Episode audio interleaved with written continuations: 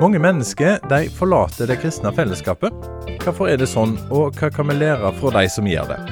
I podkasten 'Pastoren og journalisten' så møter vi pastor Kristian Lilleheim, pastor og journalist Eivind Algerøy og meg, Bjørnsteinar Haugland. Og vi vil grave mer i hvorfor mennesket sier kirka og menigheten takk og farvel. Velkommen til podkasten 'Pastoren og journalisten'. Da kan vi ønske deg velkommen til en ny podkast ifra Pastoren og journalisten. I dag sitter både Eivind og Kristian Lilleheim. Dere sitter her med grå eh, genser. Eh, er det tilfeldig? Ja, nei, det er konspirerende, det her. Det gjenspeiler været her i bergensområdet de siste tre månedene. Men det er jo på en måte et litt sånn grått tema vi er innom. Altså, det er ikke et tema som eh, blir snakka så veldig mye om. Nei, det er helt sant. Skulle du malt et maleri ut av podkasten vår, så hadde det kanskje vært eh, grå og mørke farger en hadde brukt. eh. Men jeg tror det er viktig å prate om det. Og viktig for meg å få inn disse historiene. Så hadde vi fått inn uh, Jeg kunne lest disse historiene som hele podkasten. Altså, for oss er det like viktig å få lese dem som om det er å svare på dem, Trygg. For det er bare å få dem fram, opp og fram. Ja, hva du lærer av å lese dette? Nei, du uh, Du får se litt bak fasaden. Og, eh, og det gjør noe med måten du eh, snakker med folk på utenfra og i menigheten òg, og fra talerstolen. Eh, så jeg tror det er viktig utrustning. Men bare si, disse historiene som for, vi har fått inn nå, det er historier fra personer som har opplevd eh, vanskelige ting, rett og slett, i, i, i en menighet, eller av en menighet, eller av kristne. Eh, det er jo sårbare historier vi får høre her. Eh, ære være de som sender det inn til oss, sånn at vi får vite dette her, og får muligheten til å lære noe av dette her. Eh, dere to er villige til å lære noe, men, men tror dere at eh, Kristen-Norge er villig til å lære eh, av de historiene som eh, vi får høre nå? Eh, Jeg tror at eh, egentlig Egentlig, ja. Jeg tror det er en, et ønske og en lyst hos de fleste menighetsledere og menighetsgjengere til dette her. Fordi at med en gang man kommer så tett på det som vi er her, at vi får høre historien, at vi får kjenne på smerten, så endrer det seg noe i de fleste mennesker, tror jeg. Så jeg, jeg har trua på det, da. Men eh, spørsmålet er jo kommer det ut der? Eh, vi, får vi høre de historiene? Jeg er jo journalist, og ofte når jeg skriver historier som kan ha vært eh, vonde og vanskelige, så skriver vi de når det har blitt bra igjen. når vi har kommet tilbake til trua, når eh, man har blitt frisk osv. Så, men det er klart at da legger vi jo òg vekt på å komme, altså få tak i historier som fortsatt er smertefulle. Sant? For det, det, det er viktig, da. Det er ikke alltid ting blir bra igjen med en gang. Men jeg, jeg håper at vi kan kanskje vi kan bidra litt til å få ut noen historier, til å få ut opp noen spørsmål. Og um, det hadde vært veldig kjekt i så fall. Vi har fått inn eh, en historie her nå som vi skal lese. Og vi snakket jo litt om dette her at vi skulle At en ønsker å lære. Eh, her er det en eh, historie som jeg skal føre nå, om ei som opplever at eh, menigheten eh, har gjort det vanskelig for henne. Eh, og det er jo en, litt det som er en rød tråd. Eh, så det er et stort oppdrag dere tar på her, å prøve å endre den holdningen der. Ja, jeg vet ikke om Ja, vi prøver å endre. Vi skaper iallfall historier som eh, kanskje skaper litt sånn eh, endringsønske. Um, men jeg kjenner jo, når du leser disse historiene, så som Eivind sier, så får du jo en vilje til å endre ting. Men um, det er vanskelig alltid å finne ut hvordan skal det se ut i praksis. Og, og det, men hvis vi kan skape en sånn uh, trang etter å snakke om disse tingene, så kan, eh, kan det være komme etter hvert, kanskje. Det med endring, eh, eller hvordan vi ser ut i praksis. Men vi må begynne en plass. Jeg syns det er spennende med å tenke på Jesu liv eh, i den forbindelse. For det han levde jo på en bitte liten plass i, i verden. og gikk rundt og snakket med egentlig ganske få folk. Sant? Men, men ringvirkningene ble store. Så jeg tenker at vi må, vi må tenke sånn. Kanskje noen eh, hører, kanskje noen tar det opp, og så kan det kanskje skape positive ringvirkninger. Mm. Så det er litt som òg i eventyr, å få det opp i lyset, så sprekker trollet. Kanskje. Jeg har aldri sett et troll, men det, det kan godt være. Nå jobber dere som pastorer, dette var et eventyr. Kanskje derfor. Men nå skal vi lese en historie her som vi har fått inn. Eh, og denne historien har vi fått inn eh, på Twitter. Og her står det Hei, et viktig tema dere tar opp. Min historie i korttekst. Eh, kristen som 17-åring, engasjert med hud og hår, fikk kjæreste og ble gift og ble så brått dumpa. Menigheten bestemte at det var viktigere å beholde han som eh, jo alltid hadde gått i menigheten, og ba meg slutte. Jeg mista mann, hjem, venner, familie, fellesskap og Gud. Og det ble en lang vei tilbake til troa. På nytt sted med en kirke og et bedehus. Dessverre så møtte jeg en menighet som ikke aksepterte at jeg var gift på ny, som mente at jeg ikke var rett kristen siden jeg ikke hadde blitt frelst på et møte. Det var vanskelig at jeg mente noe. Det ble uttalt at gjengifte drev hor, at barna mine var horunger. Jeg kan si mye. Det er sårt og uhyrlig vondt. Jeg ikke Jeg prøver ikke lenger å gå på et eh, sted jeg ikke føler meg vel. Nå er det to år siden sist jeg prøvde. Og troa det er ensomt og sårbart der ute. Dette skriver altså ei til oss på Twitter. En, eh, hvordan opplever du Kristian eh, Lilleheim som pastor å, å høre en sånn historie? Nei, det, det er klart at når, eh, når prinsipper eh, plutselig blir ansikter og historier, det er jo der, det er der ting blir vanskelig, syns jeg. For, for, på, på eh, teologi, når en studerer, så, så, blir en servert ting av og til litt sånn svart-hvitt.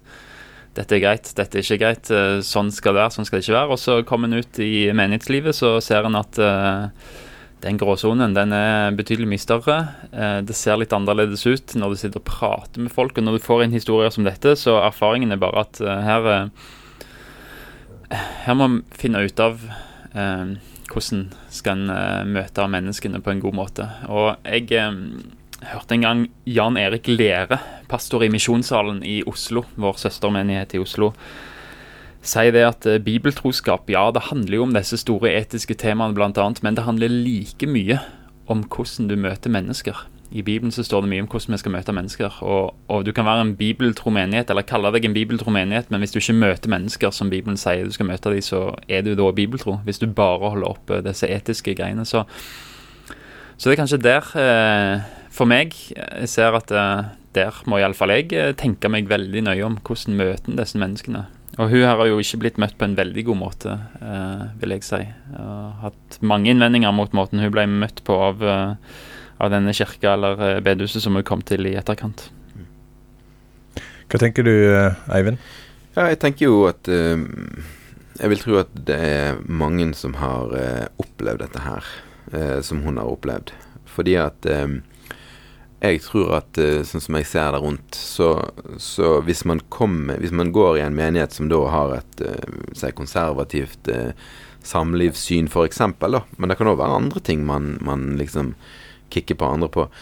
Eh, og så skjer det noe. Man blir eh, gift med en gjengift, eller man skiller seg, eller man gifter seg eh, på nytt. Så eh, skal menigheten i eh, prosess. Man vil snakke med vedkommende og sånn.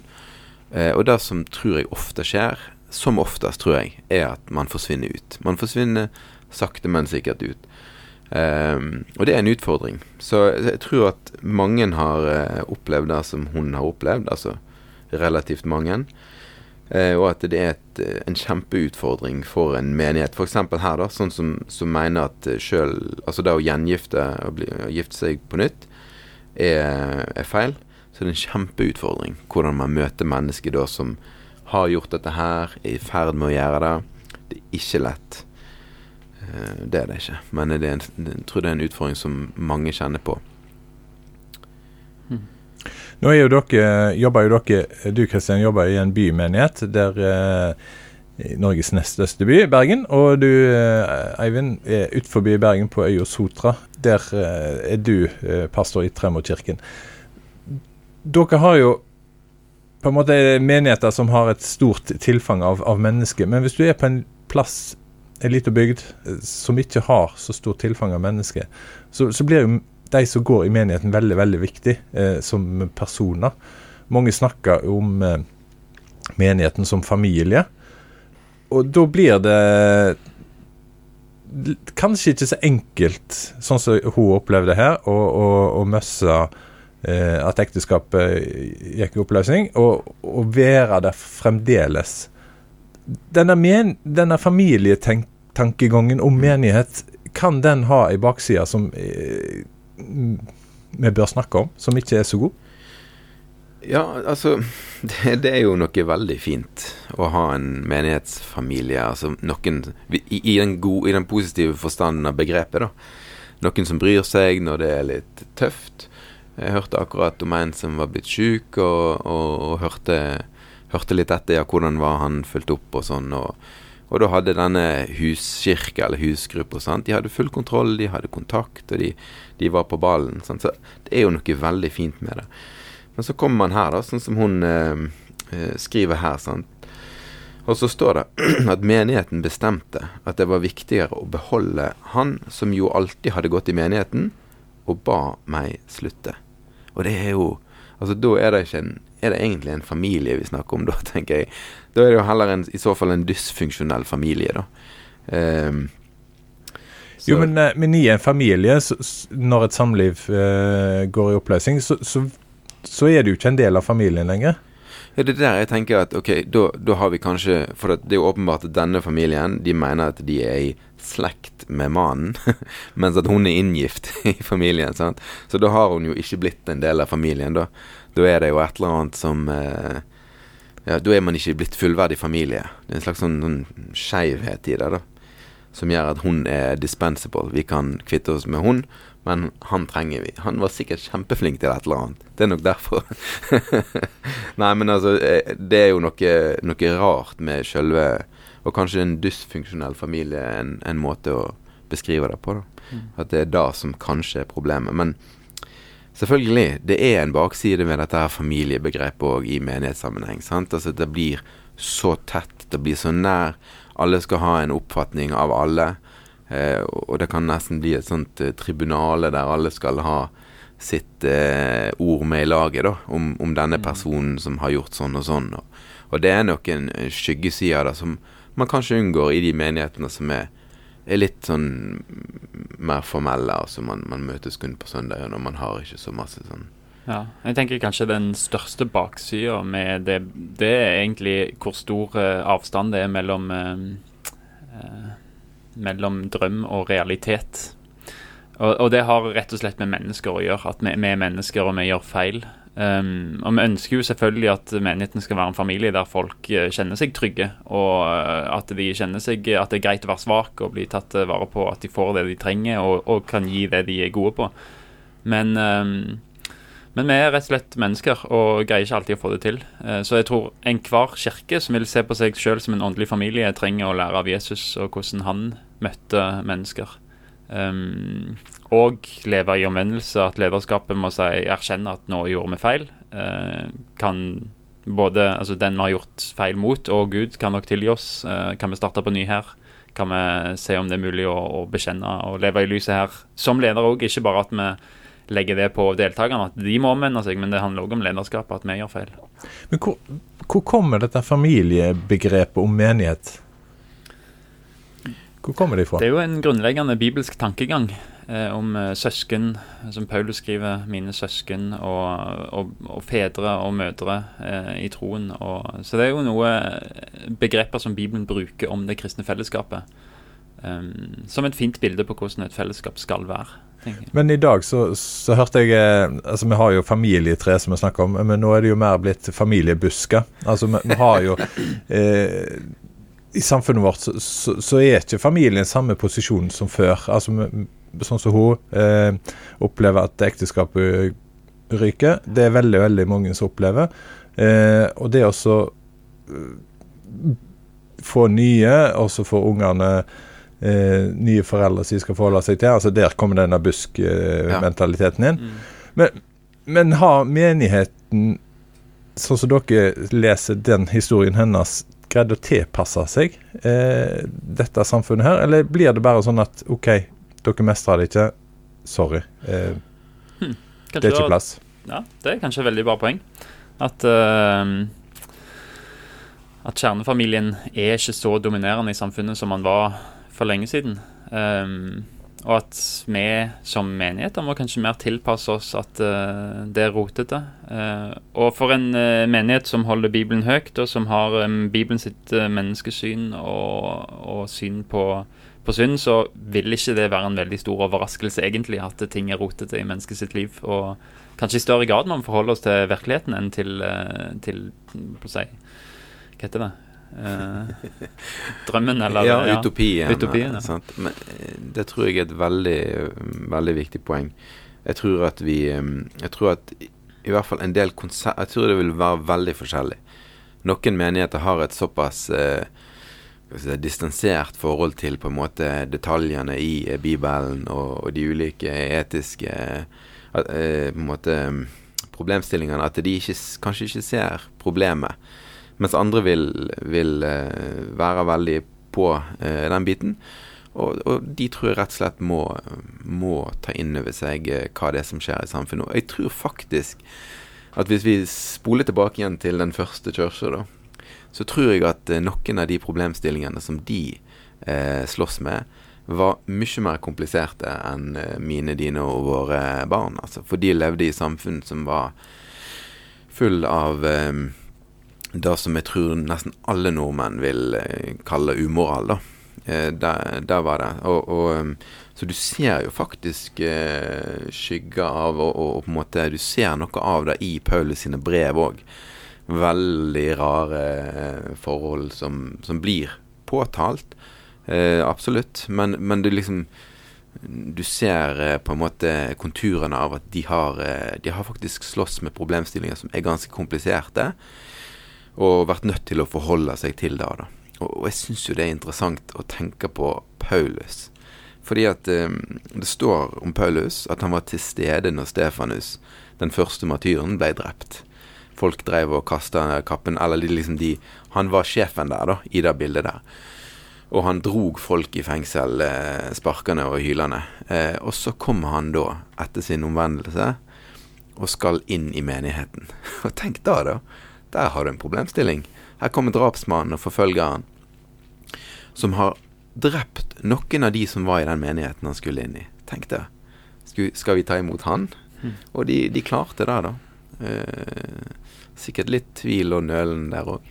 ja, de var jo redde for å slippe han inn i starten iallfall. Mm. Uh, jeg, jeg tenker når det kommer Kanskje det er et annet spor, dette, men, men iallfall når det kommer til, til dette med med folk som kommer til menigheten som har et liv som ikke er A4 i forhold til menigheten. Men jeg tror det der å ta vare på, på deg eh, og hva er vår oppgave? Jeg, Det er å møte folk med evangeliet først og fremst. Altså det som er Guds uh, sprengkraft til frelse. Det er det som kan forandre oss. Det er det som oppdrar oss. Hva, hva annet skal vi gi dem enn evangeliet? Og at de, de, får erfare at eh, de er skapt, de elsker, de er verdifulle, og de har en identitet som sier at Gud elsker de ubetinga. Um, og så kan Gud gjøre de endringene han vil i de, når de får ta imot det budskapet og høre det.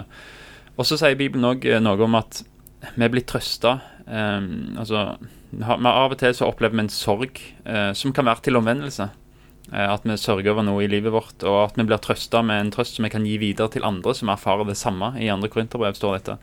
Og kanskje bruke de som har et liv som, som ikke er helt A4 til menigheten, og si kan dere koble dere på disse? Kan, kan, dere hjelpe oss med å la disse få finne seg til rette? Og på den måten gi ansvar til folk som um, har vært en i en sånn prosess, som vet hvordan det er. At ikke vi i lederskapet står og sier sånn skal det være, men heller sier disse har levd gjennom det. Kan dere gå et stykke vei sammen med de? Fordi de har Ja, jeg er teolog, men, men de har en erfaring som jeg ikke har. Eh, og hjelpe folk inn i menigheten med å knytte kontakter og si at dette er vanskelig. Vi anerkjenner det. Her har du en som du kan prate med og gå med. Er det sånn som fungerer fint eh, med å si det nå, og så i virkeligheten så, så, har vi egentlig ikke tid til, til dette her? Eh, for, for, det krever jo. Eh, har, ha medlemmene deres, de som går i menigheten deres, tid til, til å gjøre det? Ja, det tror jeg. Altså, Um, det jo, det vil jo folk svart uh, forskjellig på, men, men, jeg tror hvis vi hadde malt et bilde av at her er det en som har opplevd mye av det samme som deg, eller noe lignende, uh, som sliter med det nå, men du har vært igjennom det, og, og vi har stor tillit til, til det du uh, har vært igjennom, og kan du ta deg av denne personen. Men jeg som pastor er avhengig av å få de historiene og vite om at når folk kommer inn i vår forsamling, at det er deres historie. At, noen, at de forteller meg, eller at, at de deler det i et vitnesbyrd, eller, eller noe sånt. Så jeg er avhengig av å få vite om det eh, når, jeg, når nye folk kommer. Og på den måten koble folk på. Og jeg tror at hvis jeg hadde solgt inn det til til noen i Salem som har vært gjennom det samme, og spurt kan dere gå et stykke vei med de, så tror jeg det hadde vært veldig stor vilje for å prioritere det og, og ta det. Og det, det tror jeg um, gjelder ganske mange som har vært gjennom sånne ting. altså. Det hun skriver her, er at uh, og, og trua, så kommer det spørsmålstegn. Det, det at det det, den opplevelsen hun har fått med at andre har uh, sagt at hun på en måte opplever, Sånn som jeg leser det, så opplever hun at hun ikke er god nok. Uh, og at det går på Altså, det får uh, føre til at trua får problem. Det er uh, fryktelig. Det er vondt å lese. Men dette er jo Altså, det er så, så mange som forsvinner ut av kristne sammenhenger. Eh, hvor er omsorgen for deg? Eh, går det an å stille det spørsmålet? Greier en å se at dette her er det faktisk 70% som, som er en del av barne- og ungdomsarbeid som forsvinner. Det, det er trua til 70% som, som får en ut, kraftig utfordring. Ja, jeg tror at, jeg tror at um, menighetsledere og kristne som er de som er igjen, da, ofte tolker dette her som bare mangel på interesse. At man ikke ser det som skjer her. Det er klart at alle har ikke hunds historie, noen detter bare av, altså de mister interessen, eller livet liksom tar de med seg. Mens noen har eh, konkrete eh, innvendinger eller vonde historier. da. Og Jeg tror ofte at vi, vi, vi, går glipp av det, og så tror jeg at det ligger en liten sånn enten frykt eller travelhet som gjør at vi ikke klarer å få tak i hva det er som gjør at du forsvinner. da. Men så er det nok noen som klarer det, og er flinke og spør etter. uh, tipper jeg. Men må nok, eh, man må nok bli flinkere til det. da. Jeg snakker jo mye om uh, vekkelse, men det skjer jo Det som en òg sier, er at det skjer ikke lenger sånn som det gjorde før. Hvordan er dette inn mot det? Det vi snakker om nå. Mm. Nei, jeg tenker jo at hvis, hvis menigheten hadde eh, Menigheter hadde klart å, um, å, å, å på en måte få opp eh, nivået av empati, av kjærlighet, av eh, innlevelse i andre sitt liv, eh, så tror jeg nok i hvert fall en del av de som vi er i kontakt med med denne podkasten her, kunne blitt værende, da. Eh, og kunne blitt, eh, kunne blitt menneske som, som snakket opp eh, trua og kristendommen, og som fikk et møte med, med evangeliet, og som Ja. Så um, Kanskje det mm. kunne vært en vei til, til, til vekkelse. Ja. Eller Kanskje skjer ikke vekkelse fordi vi rett og slett ikke vet hvordan vi skal ta imot de som skal vekkes. Om det, om det er det at vi må lære å snakke om tro til andre enn de som har vokst opp og gått i våre menigheter hele livet. Men, men ta litt tak i det du sier der. Altså, hvis foreldre har to-tre unger, og de ungene ikke er trygge på om de kan ta kjæresten med seg hjem, for, for vi vet ikke om foreldrene våre ønsker det. Eh, er det et bilde på, på, det vi snakker om nå? At eh, en, menigheten er Vi er ikke der nå at folk er trygge på at jeg kan komme der som jeg er? Jeg lurer på om eh, kanskje det handler litt om eh, For jeg tror hvis, hvis du reiser ut som misjonær Så kommer du til en annen kultur, og så tenker du at ok, det, her er det ingen kristne. Og så ser du på kulturen, og så tenker du ja, ja, men sånn er det her. Sant? Og så du, bygger du ned litt eh, forventningene om hvordan man skal liksom stemme overens med Paulus sine formaninger.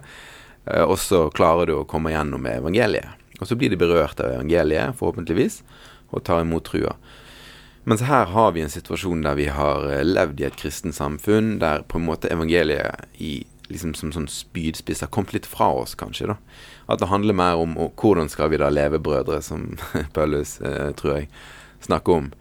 Eh, så kanskje vi må liksom skru det litt tilbake igjen til å, å, å tenke at ok, vi lever i et samfunn som er veldig sekulært.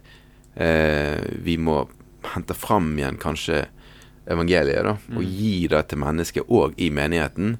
Sånn at de kan bli fulgt av evangeliet. Som, altså Det høres kanskje litt sånn salig ut, dette her, men evangeliet er jo ganske rått eh, og direkte og, og veldig sånn eh, Ja, overraskende radikalt. sant? Mm. At, at ikke vi kanskje har det langt nok framme, da. Sjølve evangeliet, sjølve det at eh, At eh, Ja. Kanskje, kanskje det er noe akkurat det der misjonærbegrepet. Av misjonærer som krysser kulturer, språk og landegrenser eh, for å komme inn i en kontekst der de skal fortelle evangeliet. Og kanskje tenker vi av og til omvendt. At faktisk for at folk skal høre evangeliet, så er det de som må krysse kultur og språk for å komme inn i vår menighet og høre evangeliet. Og det, det vi gjør da, er egentlig at eh, du må være misjonær for å komme inn til oss. Altså Det er du som må krysse kultur og landegrenser, og, og kanskje tenke litt mer hvordan kan vi ut, lære, forstå, dele. Uh, jeg vet ikke om det Men ja. ja Jeg tror vi må uh, avslutte med de tingene der. ja kan jeg bare få si én ting før, før vi avslutter? Og eh, til hun Altså, mm. det at hun ble sett på som ikke rett kristen siden hun ikke har blitt frelst på et møte, eh, og at barna hennes ble kalt horunger, det er rett og slett eh, Der stiller jeg spørsmålstegn ved den menigheten i det hele tatt som, som gjør det. Og Paulus, som ble frelst på en landevei, um, og i det hele tatt mange av uh, Jesu apostler som, som ble sett på som altså, avskum og alt mulig, det, det er ikke plass til det i kristendommen eh, tenker jeg. Og, og det, det bare sier veldig tydelig at eh, en må kunne begrense Altså en må kunne ja, rett og slett ha litt nestekjærlighet når en snakker til folk. Mm. Eh, jeg, hadde bare behov for å si det, iallfall. Takk til deg som eh, sendte inn denne tweeten til oss. Og så har jeg jo lyst til å oppmuntre deg som hører på nå. Hvis du har en historie som eh, du ønsker at vi skal snakke litt om, så håper jeg at du vil sende oss en melding. Nå var dette en melding på Twitter, Kristian Lilleheim. Hvordan kan en ta kontakt med denne podkasten, pastoren og journalisten? Du, vi er nesten overalt. Vi har eh, ja, som Twitter, eh, Pastoren og journalisten, Instagram, det samme, og Facebook. Og du kan sende en mail på pod.alfakrøllptro.no. Eh, og ikke bare spørsmål, men historier òg. Vi, eh, vi tar imot alt. Og det er ikke nødvendigvis eh, sånn som i dag. Det var ikke et spørsmål, det var en historie. Og, og det hjelper oss alt sammen, og håper at det er til for mange. Så håper jeg at du som kjenner igjen denne historien her, at du som har sendt den inn, hvis du har tilbakemeldinger på den, på hvordan vi håndterte eh, din historie, så har vi òg veldig lyst å høre fra deg. Da benytter vi anledningen til å takke for oss, og så eh, høres vi igjen. Det gjør vi. Ha det godt. Du har hørt podkasten 'Pastoren og journalisten'. Vil du sende oss mail, bruk adressa pod.petro.no. Du finner oss òg på Facebook-sida 'Pastoren og journalisten'.